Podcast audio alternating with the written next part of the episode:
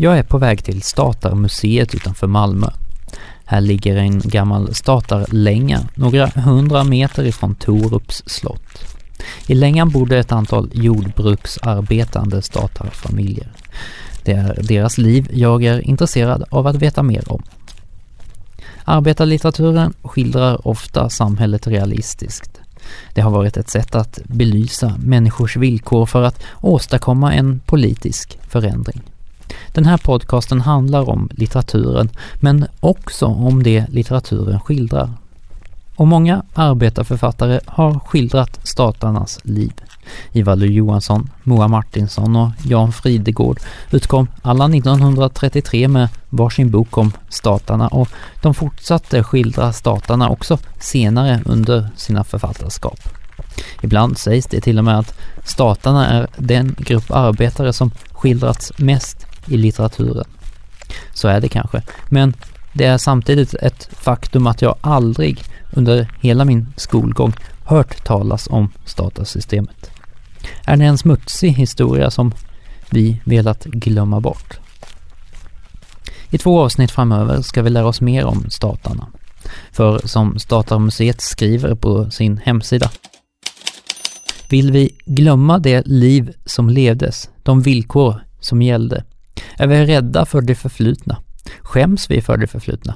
Nej. Det förflutna lär oss att se det som händer idag, både här och i världen. Många vill jämföra villkoren på dagens arbetsmarknad med de villkor staterna och andra arbetare hade i början på 1900-talet. Hur relevant är en sådan jämförelse? Det är en av frågorna som jag har med mig.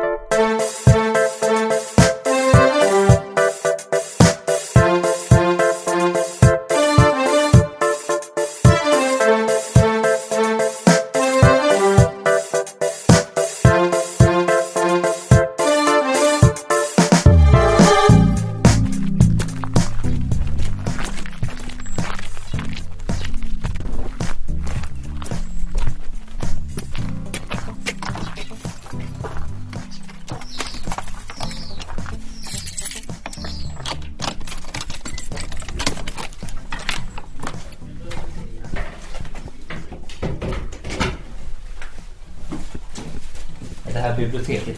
Det här är biblioteket och planeringsrummet. Vi börjar i Hannas lägenhet. Den som är liksom bäst att egentligen börja i för det är den första alltså, statarlägenheten. Så frågan är om vi ska börja utomhus eller om vi ska köra inomhus först. Ja, vi kan börja här så kan vi Ja. gå in. Ja. Eh, så kör vi så ser vi hur det blir. Ja.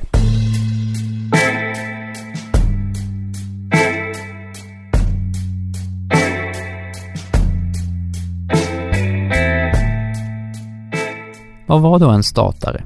Jo, statare kallades de jordbruksarbetare som arbetade för jordägare och i huvudsak fick betalt i natura. Alltså i form av mat och boende istället för pengar. Det innebar stora begränsningar i statarnas möjligheter att förändra sin tillvaro. Arbetsvillkoren var ofta usla, man arbetade hela dagarna utan någon form av ledighet och när man slitit ut sin kropp var fattigstugan i många fall det enda alternativet. Vid 1900-talets början levde ungefär en kvarts miljon människor som statare. Så vi pratar om en stor grupp människor. Petter Larsson är museipedagog på Statarmuseet. Tillsammans ska vi vandra genom den gamla statarlängan och prata om statarnas liv. Vi börjar ute på gården.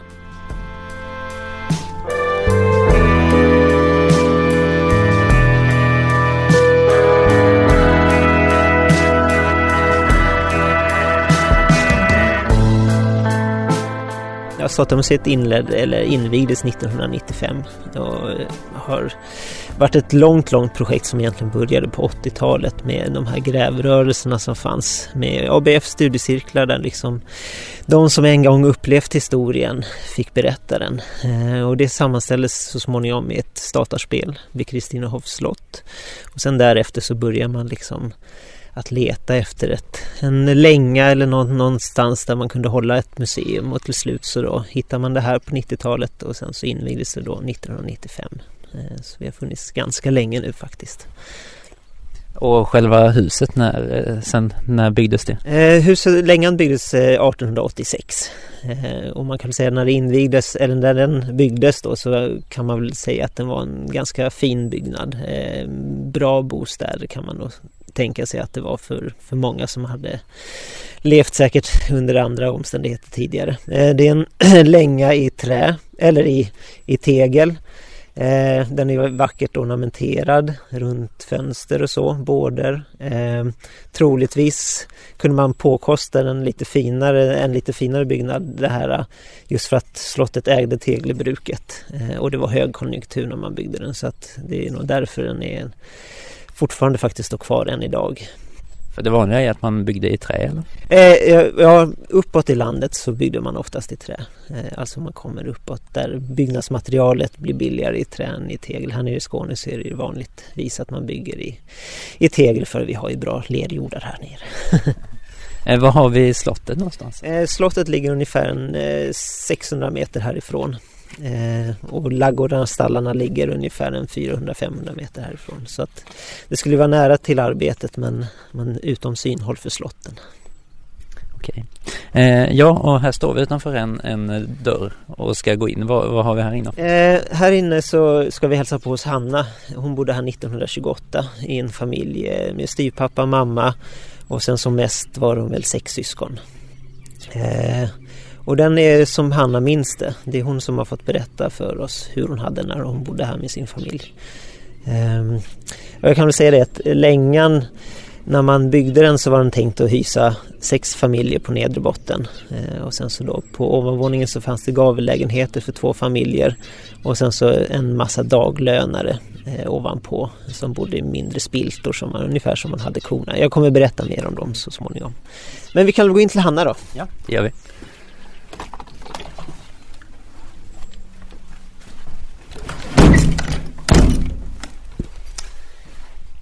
Ja, och här befinner vi oss i ett uh, litet kök va? Ja, precis. Eh, det här är då Hannas lägenhet. Eh, det är två rum och kök. Eh, och nu kommer man in i köket direkt om man går in från den här sidan.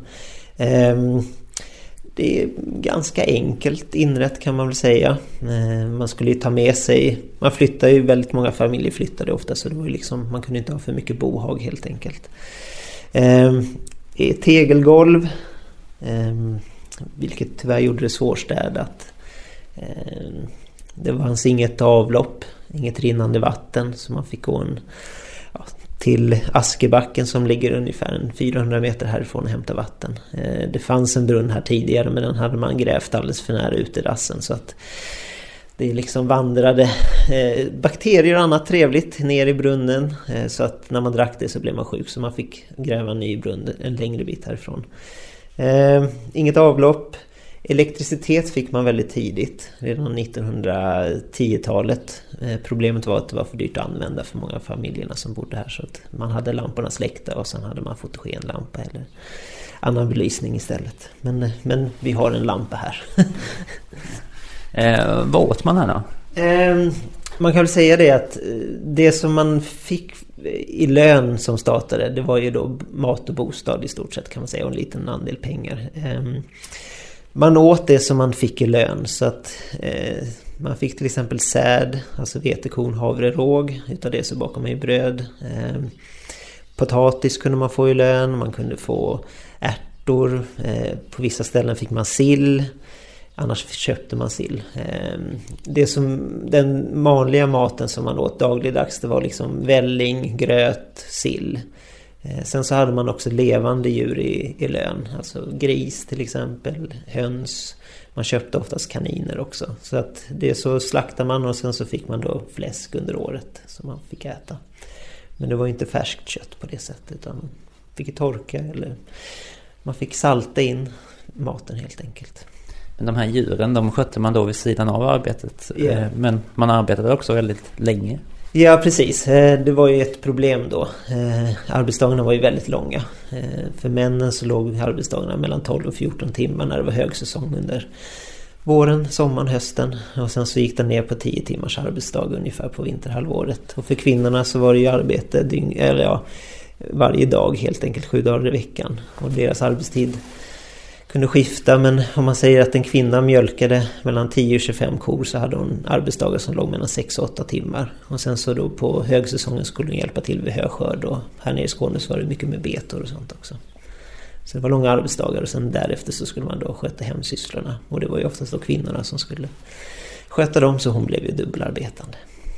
Vilka var de eh, vanliga arbetsuppgifterna? Eh, som statare, man kan säga det att eh, statarsystemet innefattade väldigt många olika slags yrkeskategorier. Så att det var ju oftast de som man tänker på som statare, det är kördrängar eller stalldrängar. Alltså de som arbetar ute på åkrarna eller inne i stallarna. Men även de som till exempel var jägmästare eller smeden eller de andra som hade andra yrkesbefattningar uppe på gården.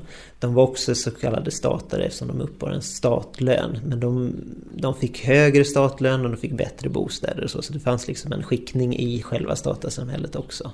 Eh, men de familjerna som bodde i den här längan här det var ju de som, som oftast då var kördrängar eller, eller stalldrängar och sen som är hustrur som mjölkerskor. Eh, och man kan säga att det var mannen som anställdes som, som statare men han skulle ta med sig en hustru. Och startlönen var då eh, att få betalt i natura och delvis kontanter också? Ja, precis. Men framförallt naturalönen. Ehm, Ja, och vi har en spis som eldas med ved, ser jag. Ja, precis. Eh, det var den enda värmekällan i lägenheten när Hanna bodde här 1928 med sin familj. Då. Så man samlades väl säkert och fick värma sig i köket på vinterhalvåret. Det har berättats i det här huset att det blev väldigt, väldigt kallt på vintern. Det är oisolerat eh, och det är fortfarande så att när det blåser här ute så blir det liksom fukten rinner längs väggarna trots att vi har värme med liksom vattenburen, vattenburna element. Så att det, det, blir väldigt kallt, fuktigt i de här husen. Eh, trots att, och när man är här inne nu, nu ser inte lyssnarna men det är väldigt högt i tak till exempel. Det är någonting som man uppskattar nu för tiden. Men problemet i de här längorna var att det var väldigt svårt att hålla värmen. Så att eh, det var kallt helt enkelt på vintrarna. Varför har man byggt så högt i tak?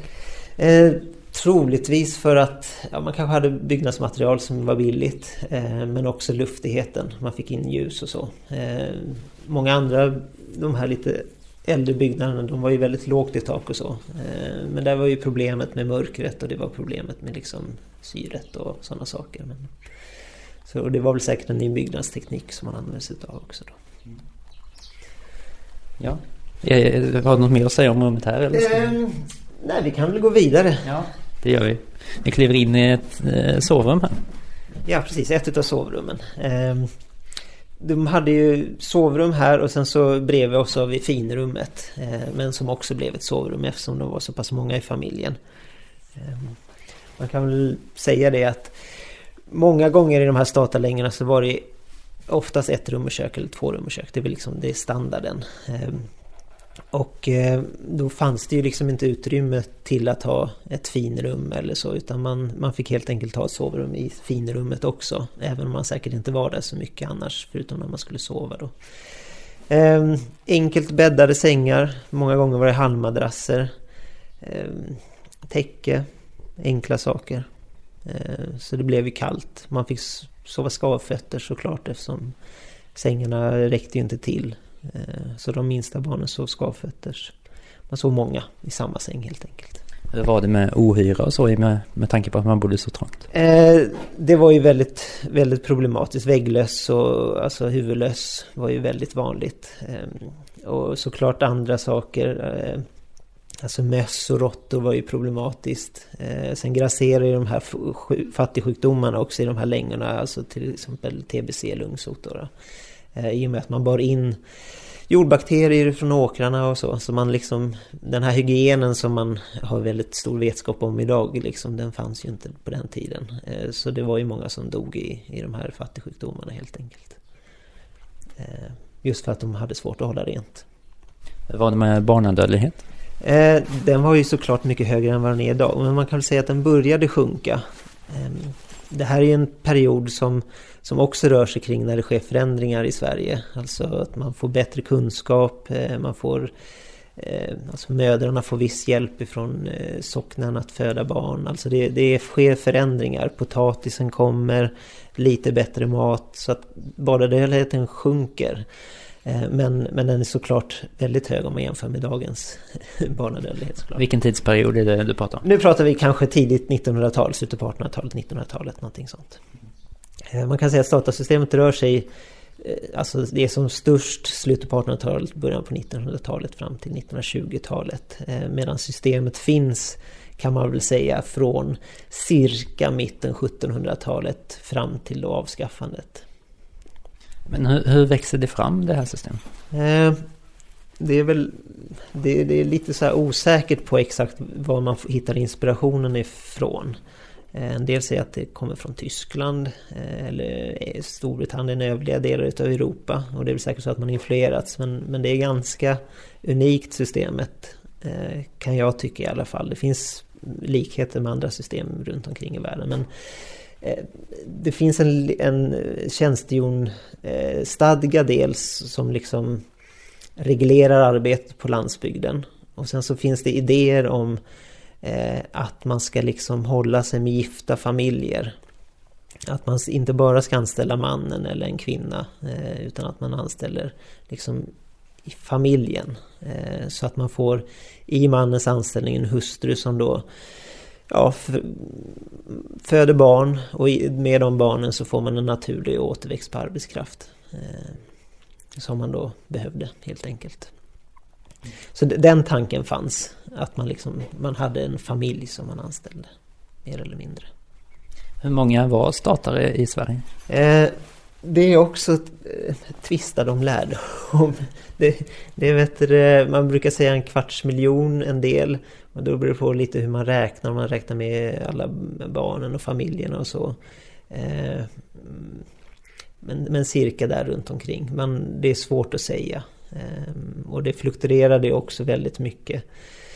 I och med att det krävdes ju mer än bara statarfamiljen på landsbygden som arbetade på gårdarna. Det krävdes, alltså de som arbetade säsong. Här nere i Skåne var det ju mycket mer betskötseln. Ehm, och de fick ju också en slags statlön. Och har man räknat med dem eller inte? Det, det är liksom... Det är svårt att säga. Du sa innan att kvinnan jobbade också, framförallt som piga och mjölkade eh, mjölkade kor. Eh, men var det också kvinnan som, som skötte hushållet eller delade man på den sysslan? Eh, den delade man inte på. Eh, utan det var kvinnans, kvinnans lott helt enkelt. Eh, sen så finns det ju också historier som, som såklart visar en annan del utav det. Där, där en kvinna har dött till exempel. Eller skilsmässa och sådana saker som kunde ske även på den tiden. Där mannen har fått ta ansvar i, i, i hushållet. Men Oftast var det så att man, om det skedde ett dödsfall eller så, så försökte man så snart som möjligt att gifta om sig. Eller att man försökte leva tillsammans med en annan kvinna eller en annan man för att man skulle få ett uppehälle så att man kunde liksom få sin lön och, och kunna överleva. Helt enkelt. Så eh, historier om män som, som kanske tog anställning själv skaffade sig snart liksom en, hust, eller en kvinna i hustrus ställe till exempel som då skötte hushållssysslorna och mjölkningsplikten helt enkelt. Eh, vad jag tänker på här är att det är ganska fina tapeter. Ja. Eh, de är tag, just i den här lägenheten så är de, eh, tror jag, reproduktioner från, från 20-talet. Det kanske inte är säkert att de satt exakt just i Hannas lägenhet men, men liknande fanns. Eh, på vissa ställen. Sen så var det tidningspapper också uppe på väggarna som man kunde ha. Det var också vanligt. Men det, det skiftade också lite. Eh, och det skiftade säkert också hur länge man bodde på gården och så. Vad man ansträngde sig med. Om man planerar att flytta nästa år igen så, så kanske man inte satte upp fintapeter. Ja, de är mörkgrå med, med blommönster. Um, vi har också en, en märklig tunna här tycker jag. Det är, det är fisk som ligger där. Saltsill. Eh, det fanns ju liksom i varje familjs bostad. Det var liksom stapelfödan. Det var, det var sillen. Det var liksom billigt, närande. Eh, man, ja, man fiskade upp det ur tunnan och sen så liksom fick man salta av den ungefär 24 timmar. Antingen fick den ligga i vatten eller mjölk och sen så liksom kunde man tillaga den. Eh, så sill, ja. Det vanliga. Yes, och var befinner vi oss nu? Ja, nu är vi mellan två lägenheter eh, och eftersom vi har väldigt lite utställningsutrymme här på museet så har vi försökt klämma in en utställning om, om eh, staternas och kyrkans förhållande till varandra i en liten trapp ja. Eh, mellan de här två lägenheterna. Den heter Tron gör underverk? Frågetecken. Den handlar lite om Alltså, som jag sa, förhållandet mellan staten och kyrkan. Som man kan väl säga var väl ganska, ganska ansträngt. Eh, staterna tillhörde ju en grupp i samhället som liksom var längst, eller en av de grupper som var längst ner på den sociala skalan. Så att eh, deras ja, plats i kyrkan till exempel på söndagen det var ju det att de fick sitta längst bak i kyrkan. De kanske hade svårt att se och höra prästen när han pratade. Eh, många gånger så begravdes man på den norra delen utav kyrkogården som ansågs vara den sämre.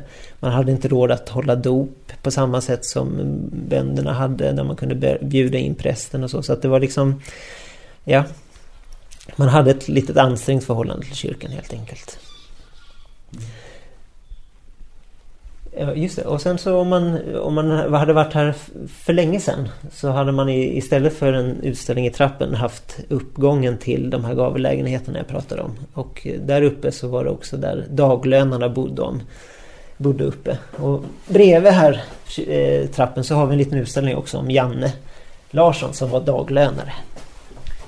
Och vad, hur skiljer man statare från daglönare? Daglönare var oftast ensamstående män. Eh, eller kanske kvinnor också. Eh, men ofta så pratar man om daglönare som män. Men, men alltså yrkeskategorin, om man skulle benämna kvinnan så kanske hon kallades betplockerska eller betupptagerska eller någonting sånt. Eh, det fanns kvinnor också såklart som arbetade. Det var oftast ogifta män och, kvin män och kvinnor som då arbetade säsong uppe på gårdarna. Alltså när det var väldigt mycket att göra.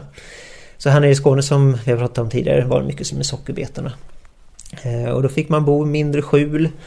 Eh, tillfälliga bostäder. Eh, som sagt här uppe här i, på vårt museum så bodde man uppe på, på liksom ovanvåningen i mindre skrubbar helt enkelt. Man hade en säng, sin koffert och det var väl i stort sett det man hade. Och sen så jobbar man ja, många timmar, långa dagar ute på åkrarna. Som daglönare hade man sämre villkor än staten? Eh, man fick alltså mer kontantlön. Eh, och det var ju bra på ett sätt för då kunde man ju liksom ha lite mer koll på pengarna, vad de användes till. Sen var problemet att man anställde säsongsvis. Man kan ju jämföra med dagens projektanställda. Där vet vi vilka problem som finns. Man har svårt att ja, kunna planera sitt liv helt enkelt. Ja, olika bemanningsföretag. Ja, precis. Det, det, finns stora likheter där faktiskt. Ja, det gör, många gör ju den jämförelsen med dagens eh, arbetsmarknad och liknande vid, vid statssystemet. Eh, kan man göra en sån jämförelse? Eh, inte kanske statssystemet. Där ser jag stora problem att göra jämförelser med, med idag. Man kan väl se vissa likheter men ute på landsbygden då kanske framförallt. Eh, alltså med de som, som kommer från Östeuropa.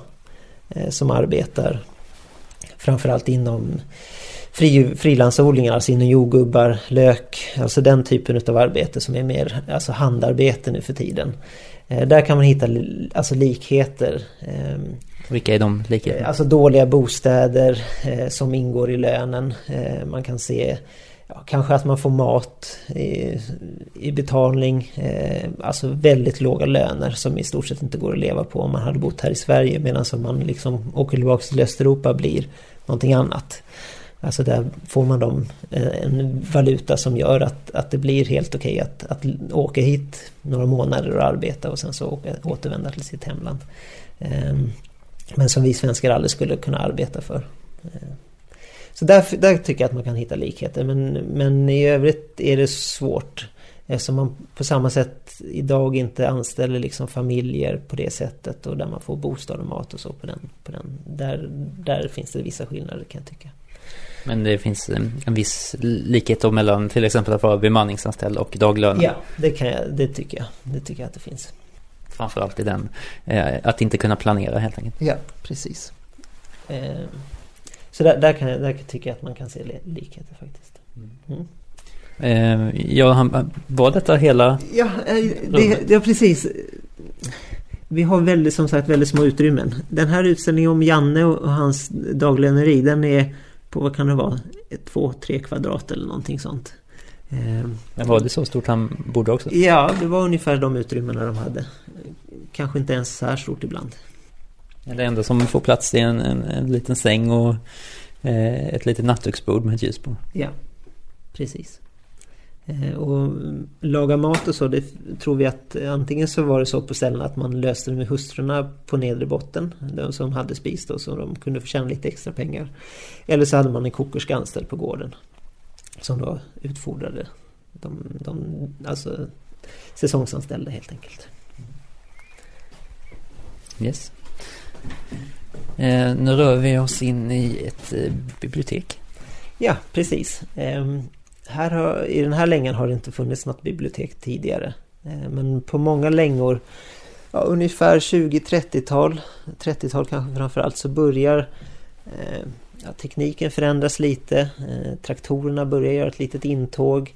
Det krävs inte lika många anställda på gården och då kunde man på vissa ställen få lov om man gick upp till husbonden fråga kan vi få den här tomma lägenheten och ha kanske ett litet gårdsbibliotek i. Så kunde man då kanske få låna lägenhet och hålla ett gårdsbibliotek. Man kallar det gårdsbibliotek för att det, det lät lite bättre. Många gånger så var det faktiskt ABF-bibliotek. Eh, men arbetarrörelsen var kanske inte så omtyckt alltid bland husbönderna så att man, man kallar det gårdsbibliotek. Eh, och biblioteken var oftast man kan väl säga, eller vårat bibliotek bygger på Klågerups ABF-bibliotek och Klågerup ligger en liten bit härifrån.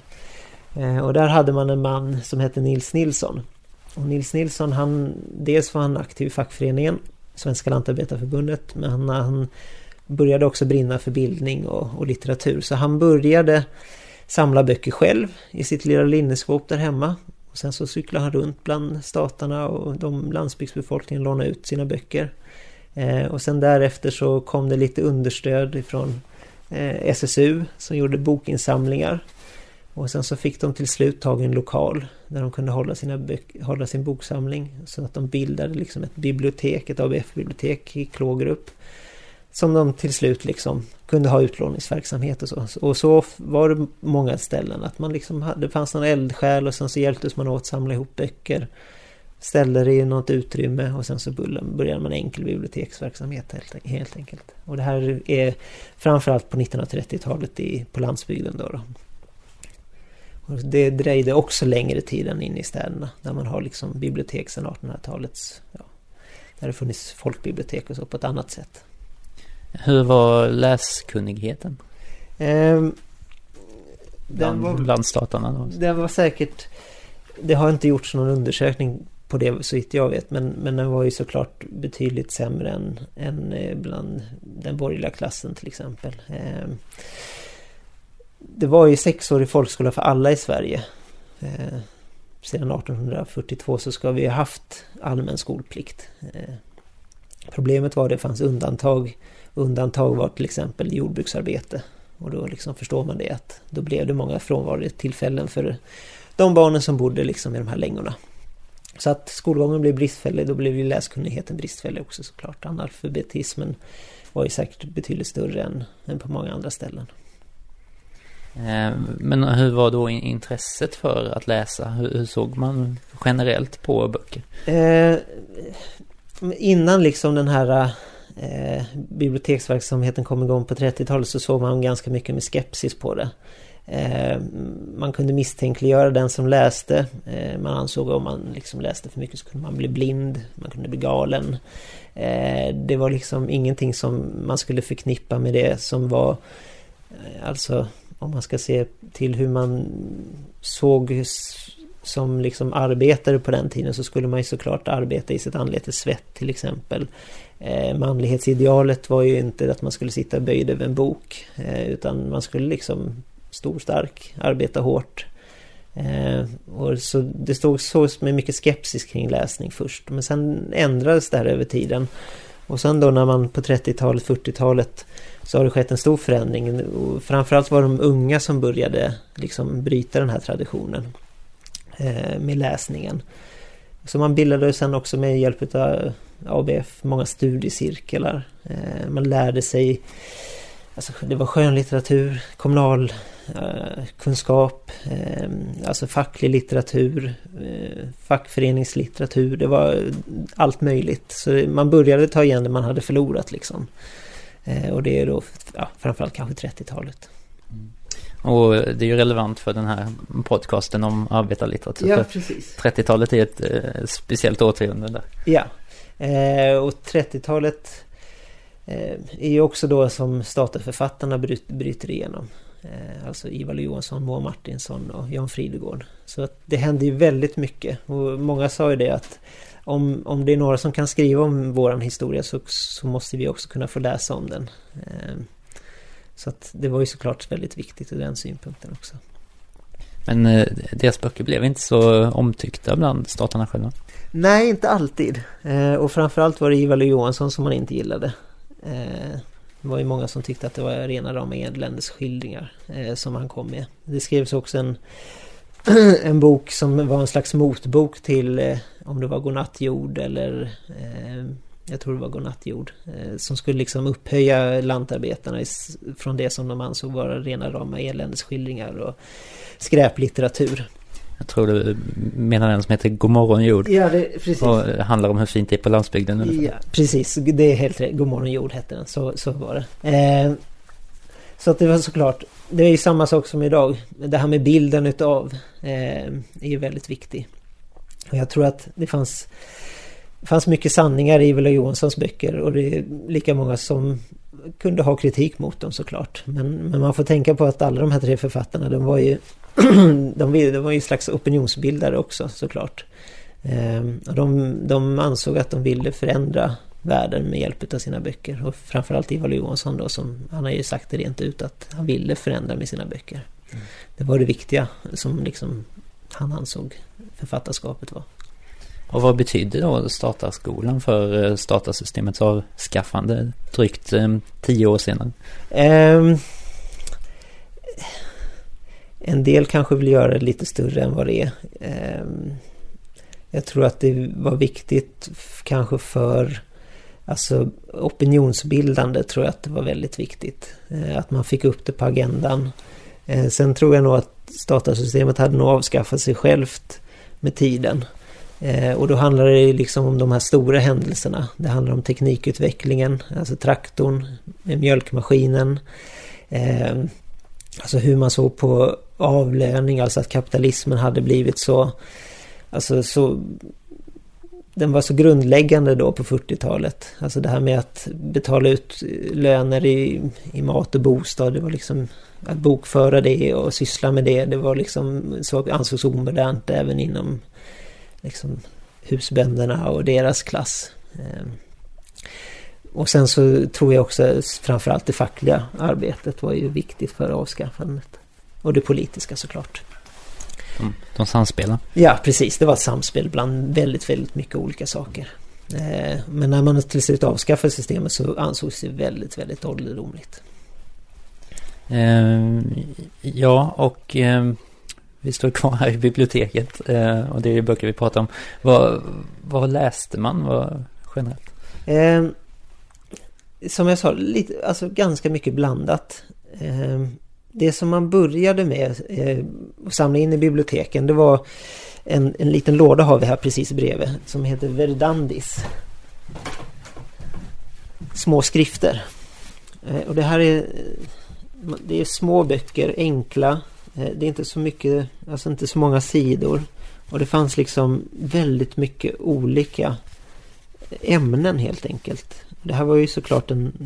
Eh, Vedandi det är ett arbetarrörelseförlag så det, det handlar ju mycket om det såklart. Men, men det var små nätta böcker. För att de var billigare? Och billiga, precis. Eh, och billighetsböckerna hade börjat komma också med så här billigare tryckning och så. Så att man, det fanns liksom möjlighet på ett helt annat sätt än tidigare att, att köpa böcker och köpa in och samla till bibliotek. Sen har vi, alltså det är, som jag sa, det är, det är väldigt mycket skönlitteratur. Om man ska se på skönlitterära verk som har berättats att man läste mycket. Så den som var mest utlånad i, i biblioteket här i Klågerup, det var Vitormen. Eh, som är en, en bok som man liksom inte alls kände kanske till idag. Eh, Falkhed tror jag han hette som skrev den. Det handlar om en gårdförhandlare som åker runt på landsbygden. Eh, Ja, sen så läste man om man tittar på vad vi har i biblioteket så har vi lite Moa, vi har lite Ivar Lo, Fridegård.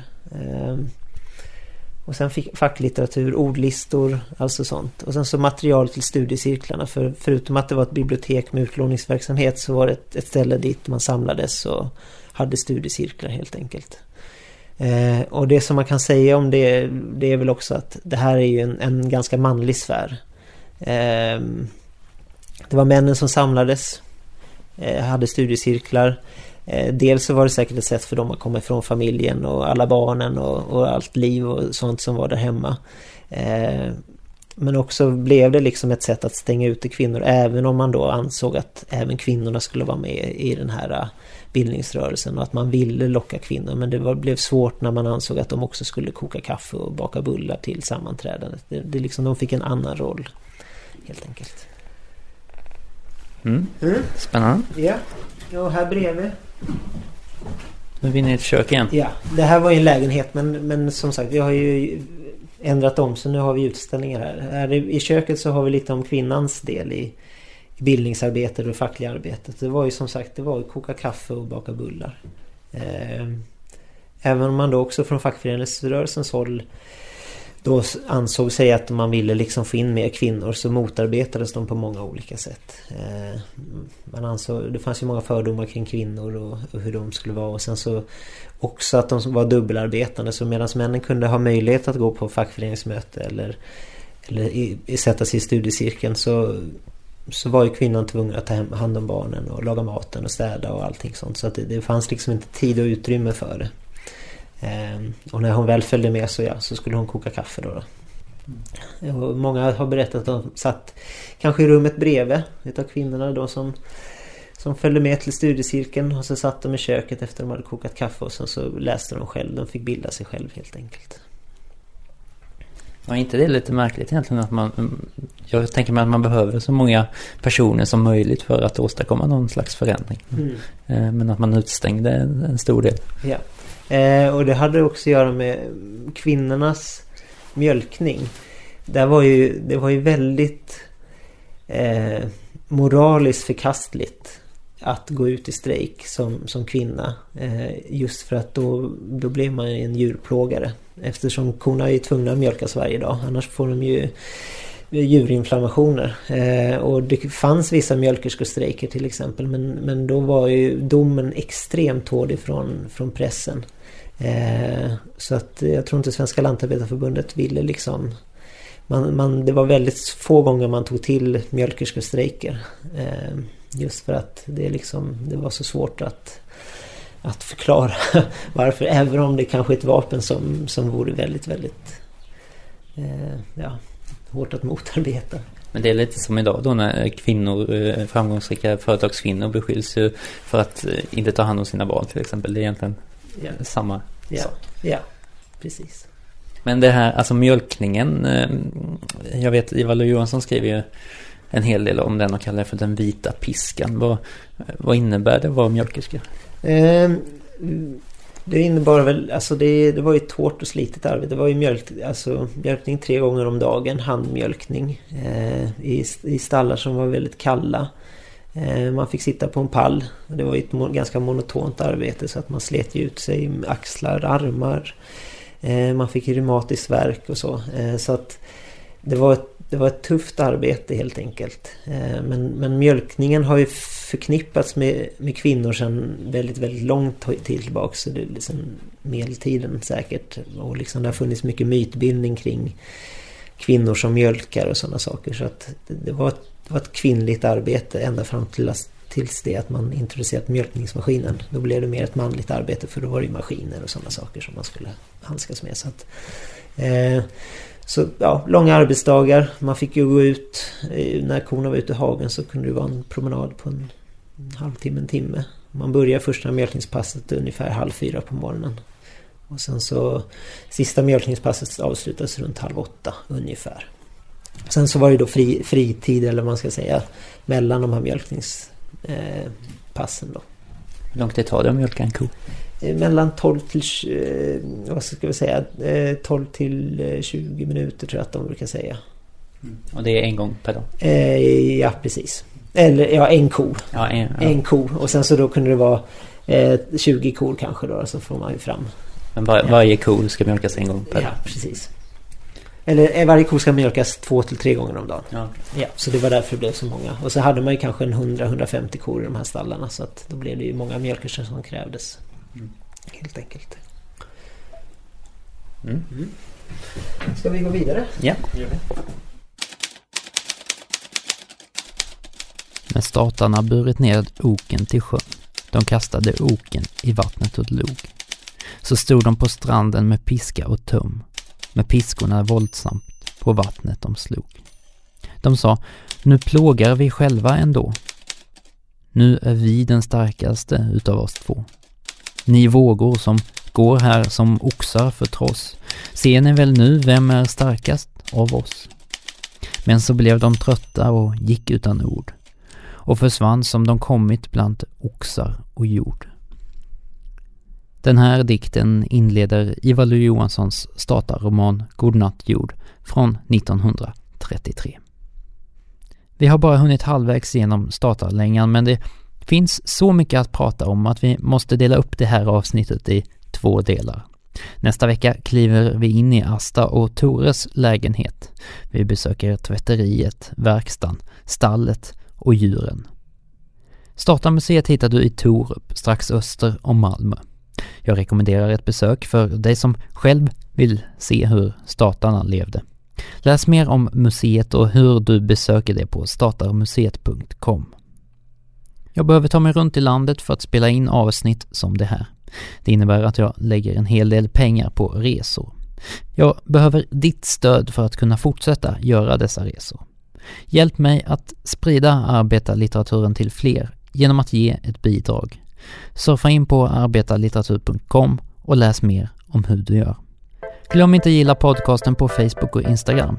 Skriv gärna upp dig på e-postlistan för att få ett mail när nya avsnitt finns att lyssna på. Och ge gärna ett betyg på iTunes. Vi ses igen nästa vecka. Ha det så bra tills dess. Vi säger så.